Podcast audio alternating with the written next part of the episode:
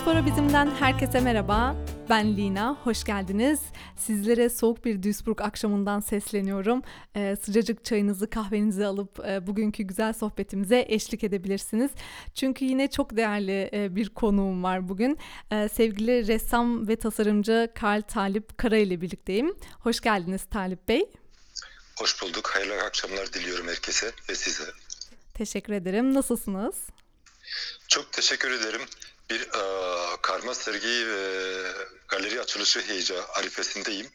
Dolayısıyla gece gündüz çalışmaktayız şu anda takım arkadaşlarımızla. Ee, şimdi Talip Bey ben sizi zaten çok severek ve beğenerek takip ediyorum. Hakkınızda da birçok şeyi bildiğimi düşünüyorum en azından. Eksik Ee, bugün- olmayın. Teşekkür ederim.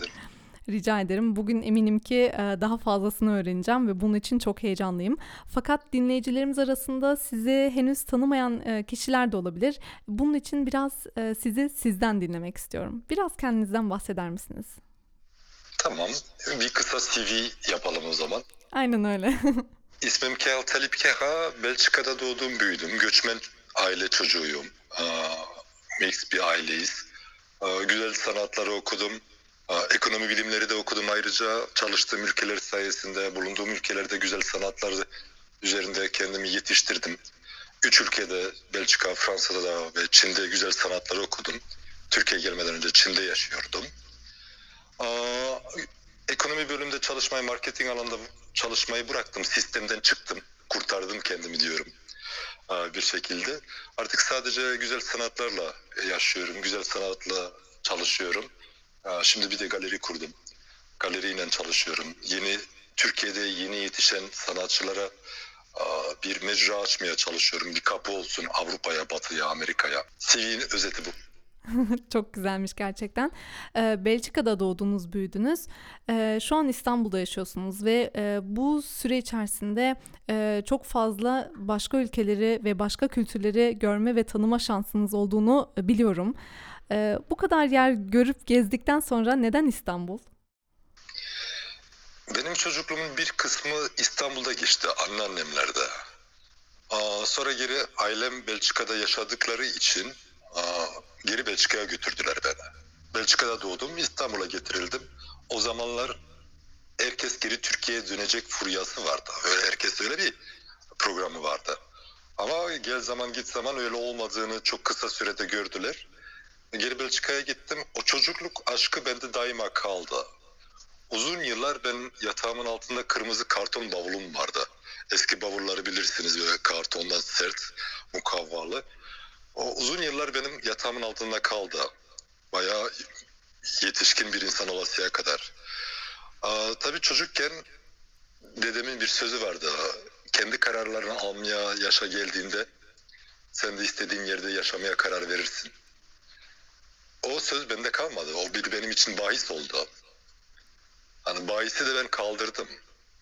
Uzun yıllar uzun ülke çok ülkede gezdim. Ya, işimin gereği gittim. Bütün ne kadar kapı açılırsa hiç çekinmedim. Ondan sonra gün geldiğinde dedim artık kararlar bana ait. Nerede yaşayacağımı da ben karar vereceğim için. Üç ülke arasında kalmıştım. İspanya, Birleşik Kraliyet ve Türkiye. Aa, Türkiye hepimiz gibi bu gurbetçi çocukların hepsi gibi, evlatları gibi hepimiz hayal ediyoruz Türkiye'de yaşamayı ama o cesareti toplamak, gelmek başka bir iş. Hani orada bütün her şeyi kapatmak. Bugün bir insan kedisi bile olsa şehir değiştirmekten korkuyor. Yani bütün Çok ailenizi, doğru dostlarınızı düşünün artık nasıl bir şey, cesaret gerektiğini. Türkiye'ye gelmeden önce Çin'de yaşıyordum zaten. 5 sene gibi bir süre Çin'de yaşadım. Biraz da hodajımız yapılmıştı. O ülkeden o ülkeye, o ülkeden o ülkeye gezmeye. Yerleşme kararını ana liman seçme kararı aldığımda oldu. Biraz yoruldum. Çok ülke gezmek harika bir şey. Çok kültür görmek harika bir şey. Çok müzik dinlemek, çok sanat görmek harika bir şey. Ama bir yerde kalmak da güzel bir şey. İstanbul'da benim çocukluk aşkım. Çok güzel.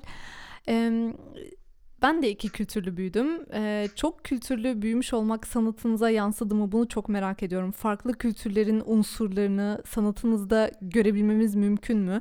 Ee, bir röportajınızda okumuştum. Ee, hedefim hat sanatını bir batılının evine sokabilmek e, demiştiniz orada. Ee, biraz bunlardan bahsedebilir misiniz? Ee, Benim okuduğum okul Hristi- Hristiyan Koleji'ydi. 300 talebe içerisinde tek Türk asıllı ve tek Müslümandım. Orada kendisine anlatmak çok zor oldu. Kendime anlatmak çok zor oldu. Ee, Çok şanslıyım ki bizim eve çok kitap giriyordu. Her türlü kitap. Ee, Bir de ablam var benden iki yaş büyük. Onun kitapları da vardı. O kitapları okuya okuya aslında insanların iletişimle aradaki farklılıklarını kapatabildiğini erken farkına vardım. Yani iletişim gümrükleri, e, kimlikleri, din farklılıklarını, her şeyini bu şekilde o kadar nasıl bu kelimeler yan yana kendiliğinden geliyorsa iletişim sayesinde o gümrükler de kalkıyor. Kendimi anla güzel sanatlarda fırçam fena değildi, kalemim fena değildi. Çok konuşkan bir insan da olmamam iyi oldu. Çünkü kalemim sayesinde kendimi ifade edebildim. Bir yet o yeteneği iyi kullanabildim. Ee, Belçika'da, Almanya'da, Fransa'da, Hollanda'da biliyorsunuz okullarda çok şanslıyız ki müzelere, galerilere erişmek çok kolay. Müfredatta var bunlar. Onlar da bana ayrı bir dünya açtı. Ha, hayal dünyası açtı. Aslında normal bir insana hayal dünyası benim kendi dünyam oldu. Başkalarına hayal ama bana normal. Kendi hayalim, hayatım oldu. Onlarla birebir yaşamaya başladım. Ee, O farklı renkler bizim bildiğimiz e, ailemizin içerisinde dini kültürler, gelenekler olsun, bayramlar filan olsun e, veya Türkiye'ye geldiğimizde gördüklerimizin dışarısına farklı lezzetler açtı bana. Mesela Belçika'da Tayland mutfağı yemekle Tayland'da Tayland mutfağı yemek aynı değil. Onun farkına varınca yani önümde benim otobantlar açıldı ve vites istediğiniz vitese çıkabiliyorsunuz. Sınırsız bir şekilde. Sınırlar kalktı. Sınırlar kalkıyor. E, onlardan da neden faydalanmayayım diye düşündüm ben. E, erken yaşta kimlik oluşturmayı bıraktım. İlla ki Türksün, illa ki Belçikalısın gereksizdi. Yarın benim masa arkadaşım uzun yıllar boyunca Hong Kongluydu. Yani Belçikalı bile değil, Hong Konglu. Şimdi Çinli diyorlar da. O çocukla konuşurken o bizim eve geliyordu, ben onun evine gidiyordum. E, o bütün kültür birbirine çekişirken, konuşurken, paylaşırken aslında yaşadığımız yerin ufacık kum tanesi kadar. Biz insanlar da kum tanesi kadarız. Ama evrenin parçası olmak istiyorsak bütün sanatıyla, kültürüyle, müziğiyle, sanatın yedi dalıyla bir olmamız gerekiyor. Yani her gün sushi yemekten insan bıkar. Ama her gün farklı takostur, efendime söyleyeyim Polonya mutfağıdır, Rus mutfağıdır, Türk mutfağıdır, Afrika mutfağıdır deyince insan daha çok yiyesi geliyor. Ben de tabii bunların tadına varınca durur muyum? İstedikçe istedim. Hayatta verdi. Ne güzel. Çok güzel ifade ettiniz gerçekten. Hat sanatını e, Batılı'nın evine koymak için de işte ilk başladığım cümleye dayanacağım izninizle.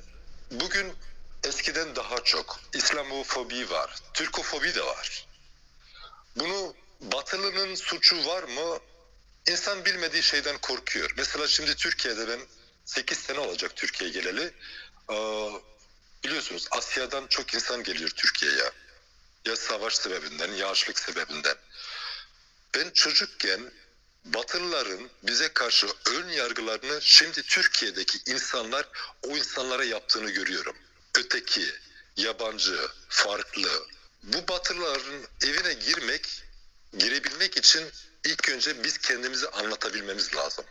İyi insanlar olduğumuzu e, tabii ki su değiliz ki bir bardağa koyalım al iç bak su güzeldir diyemiyoruz bir ülkeyi ve hep bizi Türkiye'de fethetmek muhabbeti var. Osmanlı fethetti, Selçuklu fethetti.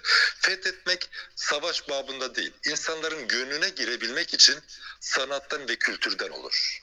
Eğer sanat ve kültürünüzü iyi temsil ediyorsanız, ediyorsak o insanların kalbine otomatik girdik. İster müziki alanında olsun, ister görsel sanatlarda olsun, ister sinema dünyasında, ister tiyatro dünyasında. Fransızların, dünyanın çoğu Fransızca bilmiyor ama Fransız müziğini dinleyince veya İtalyan müziğini dinleyince romantik olduklarını söyleyebiliyorlar. Otomatik benimsiyorlar. Türk sanatı, Türk sanatları hangi dalı olursa olsun geleneksel sanatları dediğimiz onu zaten iyi temsil edersek Avrupa'da Avrupalı zaten kalbine basar bize veya Amerikalı. Sanatımızı temsil etmek konusuna mutlaka birazdan tekrar değinmek istiyorum. Ondan önce bir sorum daha var. Bir röportajınızda dediniz ki e, Türkiye'de sanatçı olmak çok zor. Şimdi birçok yere gittiniz. Sanatınızı henüz görmeyen dinleyicilerimiz için biraz gözlerinde canlandırabilmeleri için biraz yaptığınız şeylerden, çizdiğiniz şeylerden onları tarif e, etmenizi isteyeceğim. Tam olarak ne yapıyorsunuz? Bunu nasıl adlandırıyorsunuz veya bu sanat dalında bunun e, karşılığı nedir yaptığınız şey ve neden Türkiye'de sanatçı olmak zor? İlk önce güzel şeyleri söyleyeyim sonra daha zor, kötü olanları söyleyeyim. Tamam. ben e, Flaman sanatta Flaman ekolunu bayılıyorum. Yani 17-18. yüzyılın sanatına bayılıyorum. O ustadların disipline bayılıyorum. Disiplin benim hayatımda olmazsa olmaz. Sanatta zaten disiplin olmazsa olmaz. İnsanlar zannediyor ki ressam veya belli bir seviyeye gelmiş bir sanatçı res, e, veya heykeltıraş ne olursa olsun her akşam bu durumda parti yapıyoruz. E, Mercedes'le geziyoruz, çarıkla geziyoruz. Sanat öyle bir şey değil. Sanat süper disiplin isteyen bir şey. Ve kontrol istiyor. Disiplinli olmak yetmiyor. Bir de kontrollü olmak gerekiyor. Aşırıya kaçmadan. Yani atın şeylerini de kaybetmemek lazım. Dizginlerini kaybetmemek lazım. Çünkü o zaman çok farklı eğilimlere gidebiliriz. Flamanları o yüzden çok seviyorum. Ondan sonra e, biraz daha yetiştikten sonra e, entelektüel olarak okuduğum kitaplardan olması gerek. Tarih kitaplarını falan çok seviyorum. E, Alman ve Rus, Avusturya sanatçılarını çok seviyorum. Keskin renk çıkışlarını mesela Klimt gibi ya. Cümbüşlüğünü hani adamda disiplin var e, klasik sanatların ama üzerine duygu da koyuyor duygu çıkmaya başlıyor. Ondan sonra Kandinsky'nin keskin çizgileri soyutlanmasını çok seviyorum. Ondan sonra Impresyonizm döneminde Matisse, Matisse'in o Fransız sömürgelerden almış olduğu renkleri çok seviyorum. Yaptığım çalışmalarda renkler olmasa olmaz. Hayatta üzgün olmak için yeterince sebep var. Kişiliğimden olması gerektir ki bardak yarı dolu mu yarı boş mu hep muhabbetinde ben yarı dolu tarafına bakmayı seviyorum e, resimlerimde de mutluluk saçmayı istiyorum. Mesela bizim galeri sanat camiasında da moda var. Mesela bu Suriye'den göç döneminde benim çalıştığım Fransa'daki galeri veya Amerika'daki galeri ya bu Suriye'deki Afganlardaki olan olayları resmetsem e, bir istek var, talep var. Ya dedim insanların üzüntüsünden para kazanmak için ben karga mıyım ya? Üzülecek yeterince açlık var, hastalık var, var, var, var bir sürü şeyler var. Ben bir şey yapmak istiyorsam sanatımda mutluluk aşılamak istiyorum. Daha önce söylediğim örnek gibi baharatlı yemekler tattırmak istiyorum insanlara. Kanada'nın en soğuk Grönland'da da yaşasa o Asya'nın güzel sıcak yemekleri tatsın insanlar. Evlerine renk girsin, baktıklarında mutluluk gelsin. Ee, çalışmalarımdan çoğu içeriliği odur. Bir de ben insani ilişkilerimde de yaptığım işlerde de eksilterek gitmem. Eğer hayatıma bir insanı alırsam çok zor alırım. Aldığım zaman da hiçbir zaman çıkartmam. Yaptığım, gezdiğim işlerde de aynı.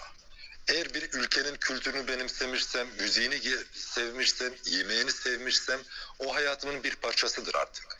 Ülke değişse de o motifler bende olur. İlla ki oraya onu eklerim. Resimlerimi izlerken sanatseverlerin gezmesini, seyahat etmesini, yemek yemelerini istiyorum. Çocuklar çocukluklarını hatırlamasını istiyorum. Çünkü insan genelde en mutlu olduğu dönem çocukluk hatıralarıdır. Oralara kadar gidebilmelerini istiyorum. Onu paylaşmak istiyorum. Bunu filmlerde yapabiliyoruz, kitaplarda yapabiliyoruz ama resimde de yapabiliyoruz. Türkiye'de sanatçı olmak zor sorunuzda. Ee, Türkiye'de sanatçı olmak bir ilk önce sanat severler, e, meslektaşlarınız tarafından ve akademisyenler tarafından onaylanmış olmanız lazım. Mesela Fransa'da diplomanızı aldığınızda artiste peintre yazıyor veya artist skültör, skültür sanatçısı, ressam sanatçısı. Hani belediyeye gittiğinizde mesleğiniz ne diye sorduğunda eğer o mesleği icra ediyorsanız artiste peintre diyorsunuz. Sanatçı ressam. Türkiye'de sanatçı e, statüsünü çünkü burada bir statü bir meslek değil. Bu Türkiye'de sanatçı statüsünü insanlar size veriyor.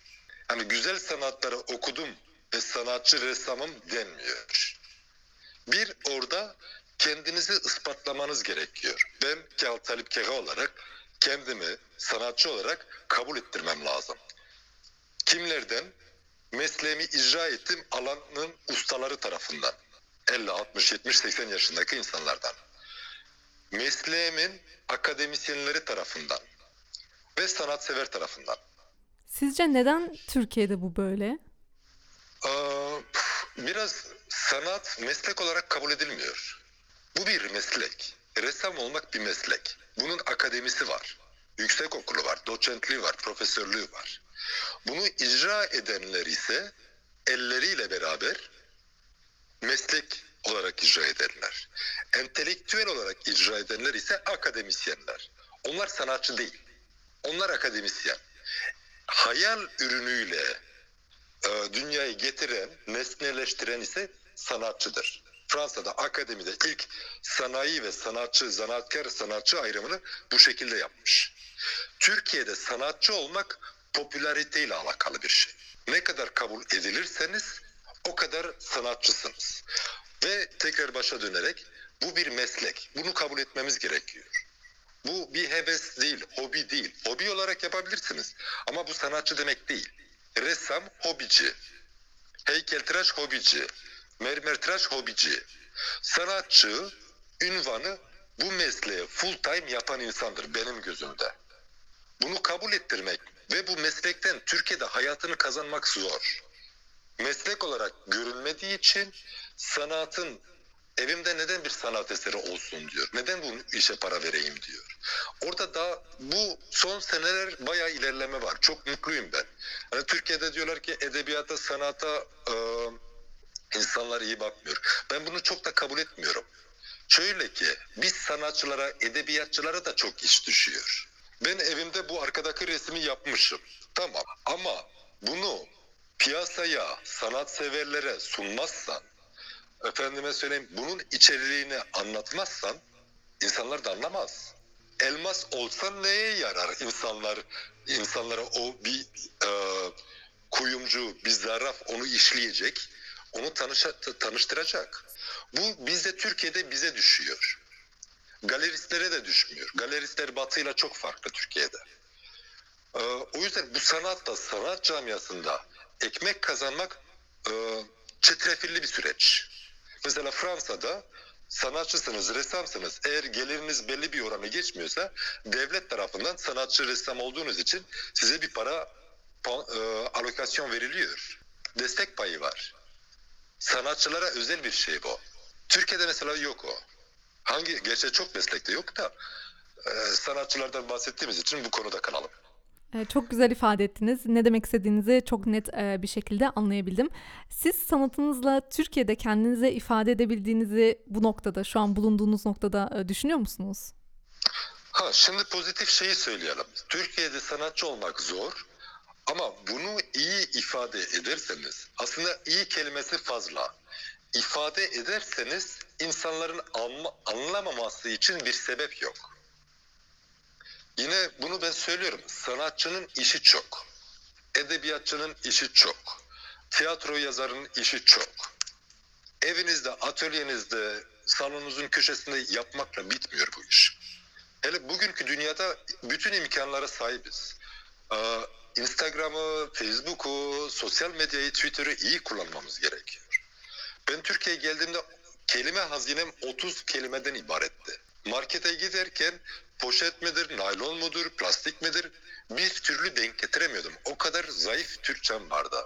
Kendimi geliştirdim. Kendimi savunacak kadar, anlatacak kadar bir edebiyat kelime sahibi oldum. Ee, Sonra yaptığım işleri insanlara anlattım. Türkiye geleneksel sanatlarda çok tutucuyuz. Hat sanatı olsun, ebru olsun, minyatür olsun, tesip olsun. Ben bunu yağlı boyayla yapıyorum. İnsanlar başta anlamadı. Akademisyenler de anlamadı. Çünkü 300 yıldır nasıl yapılıyorsa öyle yapılacak. Ben ise başka bir şeyle geldim. Hani Adana dürüm var ama o Adana dürümü nasıl kavyarla sundum. Evet, e, bu da sanırım daha önce gördüğünüz, yaşadığınız e, farklı kültürler, farklı ülkeler, e, farklı sanat dalları, bütün aslında gördüğünüz her şey demin de bahsettiğiniz için e, söylüyorum tekrar. Sanatınıza hepsinin yansıdığını söylediğiniz için e, bu da o unsurlardan biri olsa gerek. Tabii, tabii. Kültür yok mixte. Ha, Anlatabiliyor muyum? Hani orayı niye eksilteyim? Türkiye'ye geldiğim için Çin'de yaşadığımı, Almanya'da, Fransa'da, Avusturya'da, Kanada'da, Kuzey Afrika'da yaşadıklarımı, gördüklerimi, benimsediklerimi sileyim mi? Türkiye'de kabul edilmek için. Ben onu yapmadım. 4 senemi, 5 senemi aldı bunu anlatmak ve anlatabilmek. Ee, sonunda kabul oldu. Ben şimdi mesela geleneksel sanat kavramını kabul etmiyorum. Diyorum ki Türk sanatı olsun. Nasıl İran sanatı varsa, Çin sanatı varsa, Japon sanatı varsa, Alman sanatı, İtalyan sanatı, dünyada birçok ülkenin ülke ve sanatı yan yanaysa Türk sanatı da olmasını istiyorum. Şu an sizin eserleriniz mesela demin de bahsettiğiniz arkanızda ben şu an görebiliyorum. E, Çok güzel bir tablo var. E, Siz bunu mesela Türk sanatı olarak mı adlandırmak istersiniz? Evet sanatı olarak adlandırıyorum. Demin de bahsettiğiniz e, sosyal medyayı kullanmak e, çok önemli ve e, sosyal medyada özellikle Instagram'da benim gördüğüm kadarıyla çok güzel bir kitleniz var. 100 bini aşan e, bir takipçi sayınız var. E, Türk sanatına nasıl bir tepki alıyorsunuz? Nasıl geri dönüşler alıyorsunuz yurt dışından? Türkiye'den ve yurt dışından, yurt dışındaki olanlardan direkt kabul görüyorum. Türkiye'den ise duygusal olarak çok kabul görüyorum. Çünkü e, söyledim ya, yaptığım çalışmalarda ben geleneği bozmak istemiyorum. Geleneği kabul ediyorum. Ben kültürümü, atalarım kültürünü kabul ediyorum. Ama Türk sanatının da dünya dünyada sanat camiasında belli bir yere ulaşmasını istiyorum. Sadece benim para kazanmamla alakalı değil. Türkiye'deki takip eden insanlarla bizde beğeni ekmek kadar değerli. Kabul görmek sanatçılarda. Yani illaki para kazanmak önemli değil. İnsanların evet doğru yoldasınız demesi de önemli. Güzel iş yapıyorsunuz veya güzel iş yapmıyorsunuz demesi de önemli. O yüzden o kitleye buradan teşekkür ediyorum herkese. Avrupa'dakiler direkt kabul ediyor. Çünkü onların hayatının parçası. Mixed olmak. İngiltere'de yaşayan Türk veya Iraklı veya Çinli hem İngiliz hem orijin memleketini taşıyor. Birini almak için öbürünü reddetmiyor. Orada ifade etmek daha kolay.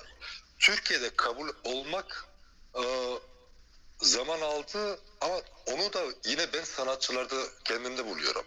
İyi anlatmak gerekiyor. Türkiye'de insanların sanatla düşmanlığı yok. Sanatı ne, neye yaradığını anlatmak gerekiyor. İyi sunmak gerekiyor.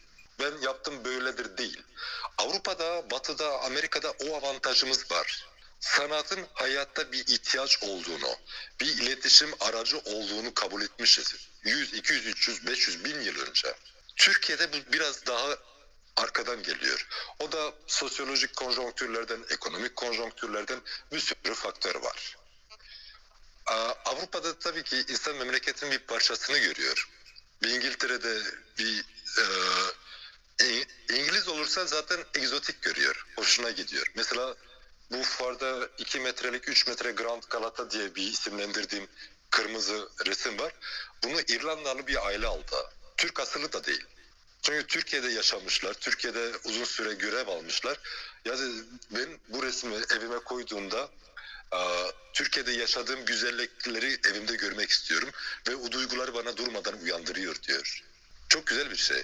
Bunun altına ben de kesinlikle imzamı atabilirim. Çünkü ben de Almanya'da yaşıyorum bildiğiniz gibi e, ve e, tablolarınızı gördüğümde aynı şeyi hissettiğimi söyleyebilirim. Sadece e, çizdiğiniz mekanlar değil, aynı zamanda çok değerli kişilikleri de çiziyorsunuz.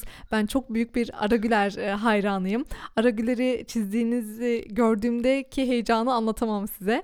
E, o yüzden bu duygular için tekrar size de teşekkür etmek istiyorum. Ben teşekkür ederim. Bu Türk sanatına katkıyı da bulunmuş. İnsanları a, yurt dışında yaşarken değerler çok farklı. Ben çocukken Türk e, televizyonları yoktu. VHS kasetler vardı. Onu da bir tane e, videotek vardı. O videotekte bazen bir Perihan abla vardı. Perihan Kutman'ın Perihan abla dizileri vardı. Yani cuma akşamları onu alırdık. Türk Türkiye ile ilişkimiz bir cuma akşamı bir VHS kasetiydi. O değeri yaşamak ben bazen Türkiye'de İstanbul'da yaşıyorum. Sokaklarda gezerken böyle aklı, gözlerimi yukarıdan çekemiyorum. Ee, Boğaz Köprüsü'nden geçerken veya bir e, ara sokakta kafede sandalyelerinde otururken o ahşap sandalyelerde e, kalbim güp güp atıyor. Bu yurt dışında yaşayanlar için farklı Türkiye'nin tadı ve değeri. Türkiye gelmemin sebeplerinden de bir tanesi o zaten. Türkiye'de kalmamın sebeplerden bir tanesi de o. Ee, Türkiye'de lahmacun klasik bir yemek ama Avrupa'da lahmacun Avrupa'da yaşayanlar için lahmacun yani insanın gözü doluyor. Çok erken evden gittim ailemin evinden. Ee, okuduğum okullardan dolayı ve çalıştığım e, şirketlerden dolayı. Ee, çok uzun yıllar Türkiye'me hasret kaldım. Bir eve davet edildiğimde bulunduğum ülkede bir Türk ailesinin evine davet edildiğimde o biber dolmasını bile yemek yani benim gözlerim doluyordu. Avrupa'da yaşamak ve Türk kültürünü e, insanlara kavuşturabilmek başka bir şey. İçinde olunca daha az farkına varıyoruz. Kesinlikle öyle. Ne demek istediğinizi e, eminim yurt dışında yaşayan veya e, hayatının bir dönemini e, yurt dışında e, geçiren bütün Türkler anlıyordur, anlamıştır. Biz sizi nasıl severek takip ediyorsak, nasıl hayranlıkla yaptığınız işlere bakıyorsak mutlaka sizin de severek takip ettiğiniz sanatçılar vardır. Biraz bunlardan bahseder misiniz? Belki birileri için ilham olur, belki onları keşfetmemiz için bizlere bir fırsat olur. Aa, o konuda iyi bir insan değilim. Şöyle ki 1900'lere kadar, 1920'ye kadar empresyonizmin sonlarına kadar felsefe olsun, sanat olsun bayılıyorum. Ama ondan sonrası bende yok. yani onun için iyi bir şey değilim. Ölç, ölçüt değilim. Anladım. Yine de teşekkür ederim. Ee, o zaman aslında e, konuşmamızın son e, sorusuna gelmek istiyorum. Ee, bir dahaki hedeflerinizden biraz bahsetmenizi isteyeceğim. Girişte söylemiştiniz bir galeri açılışının heyecanındayım. Ee, böyle bir arifedeyiz. Onun e, yorgunluğu var üzerimde e, dediniz. Biraz gelecek için e, hedeflerinizi, hayallerinizi, belki de yurt dışında yapmak istediğiniz, yeniden yapmak istediğiniz şeyler var mı? Eğer varsa bu işlerde sanatınızla Türkiye'yi temsil etmek gibi bir çabanız, e, böyle bir gayeniz olacak mıdır? Türkiye'ye gelmemin sebeplerinden bir tanesi Türkiye'deki sanatçıları, benim meslektaşlarımı Avrupa'ya kazandırabilmek. Ben New York'a gittiğimde orada bir İranlı sanatçının resminin satıldığını gördüm. Hat sanatı, hat yazısı. Bunu da bir Amerikalı aldı. Bir ara konuştuk ya İslamofobi var, Türkofobi var, Arabofobi var, var Allah var. Ama sanat dünyasında bu yok. Bu bizim işimiz, görevimiz ve mecburiyetimiz. Ben sadece para kazanmak, resimlerimi satmak, para kazanmak istemiyorum. Bu galeri 500 e, metrekare. Yani iyi bir alan. İstanbul'un göbeğinde, Nişantaşı'nda bulunuyor. Dört katlı toplam. Burada Türk sanatçıları, sanatçı adaylarını bir araya getirmek, Türkiye'de yeni başlayan sanatçının kendisini temsil edebilecek, bulacak mecra çok zor. Belli bir isim yapmanız gerekiyor ki galeristler sizi temsil etsin. E zaten o mecra o seviyeye geldikten sonra benim size ihtiyacım yok. Onu işte anlayamıyorlar. Ben üniversiteden çıkanları veya iyi fırça sahibi olanlara o kapıyı açmak için bu mecrayı kurdum, galeriyi kurdum. Ve Avrupa'da olsun, Batı'da olsun, Amerika'da olsun veya Uzak Doğu olsun. O insanları benim kendi marketing bilgimle aa, bu galerinin sponsoruyum zaten bir de. ana sponsoruyum. Başka sponsorumuz da yok. Resimlerimden kazandığımla bu dört duvarı kurdum. Sağ olsun iyi seviyede olan sanatçılar da resimlerini bıraktılar. Ressamlardan, sanatçılardan komisyon almıyorum ben. Dolayısıyla sattıkları resimlerin tamamı geri kendilerine iade ediyorlar. Avrupa'da olsun, Türkiye'de olsun biliyorsunuz yüzde 40, yüzde 50 komisyon alınıyor. Ben onu da yapmıyorum. Aa, yeter ki Türk sanatını şimdilik bu 500 metrekarede resimleri birleştireceğiz. İnternet sitesi kuruyoruz. İnternet mecrasında, Instagram'da sanat severleri bunları buluşturmak. Böylece o insanlar bununla kafalarını yormasınlar. İş üretmeye kafalarını yorsun. Kaliteli iş üretsin. Biz nasip olursa onlara yaptıkları işten paralarını kazanmasını sebep edelim. Kirasını ödesin, ekmeğini ödesin, çocuklarını okula göndersin. İlk hedefim o. İkinci hedefim bu 2022 için uluslararası camiada bu galerinin bünyesinde bulunan veya bulunmayan sanatçıları Batı Avrupa'da sergiler açmak. Türk sanatını bu şekilde duyurmak. Türk sanatı olarak, Türk sanatçı olarak kımıldamak. Bu da kısa vadede, uzun vadede ise fuarlar yapmak. O da uzun vadede çok ben kendimi biliyorum. Çok çok da uzak yıllar değil. Nasıl bir İngiltere'de saatçi varsa Orta Doğu'nun Türk sanatı, Osmanlı sanatı, yani Selçuklu sanatı adı taşıyan ne varsa dünyaya nasıl saatçi Batı sanatını temsil ediyorsa bizim Galeri Apollo olarak da bu bölgedeki bulunan insanların sanatlarını kavuşturmak sanatseverlere. Sınır tanımadan. Ne kadar güzel hayaller, ne kadar güzel hedefler bunlar. Ee, biz de mutlaka bunları en yakından e, takip edeceğiz. Ee, size bu güzel sohbet için gerçekten çok teşekkür ederim. Benim için e, zaten çok kıymetliydi ama eminim bizi dinleyenler de çok e, sıcak bir sohbete kulak vermiş oldu. Vakit ayırdınız, düşüncelerinizi bizle paylaştınız. Çok sağ olun. Siz de sağ olun. Sizlerin de desteği lazım tabii ki. Elbette biz her zaman arkanızdayız. Severek takip etmeye devam edeceğiz. Ee, sizlere de çok teşekkür etmek istiyorum. Dinlediğiniz için, vakit ayırdığınız için. Ee, fikir ve düşüncelerinizi her zamanki gibi Instagram sayfamız Diaspora Bizim'den bizlerle paylaşabilirsiniz. Podcast'ımızın tüm bölümlerini Spotify, Google Podcast ve YouTube üzerinden dinleyebilirsiniz. Bir dahaki bölümde buluşmak üzere. Kendinize çok iyi bakın. Hoşçakalın.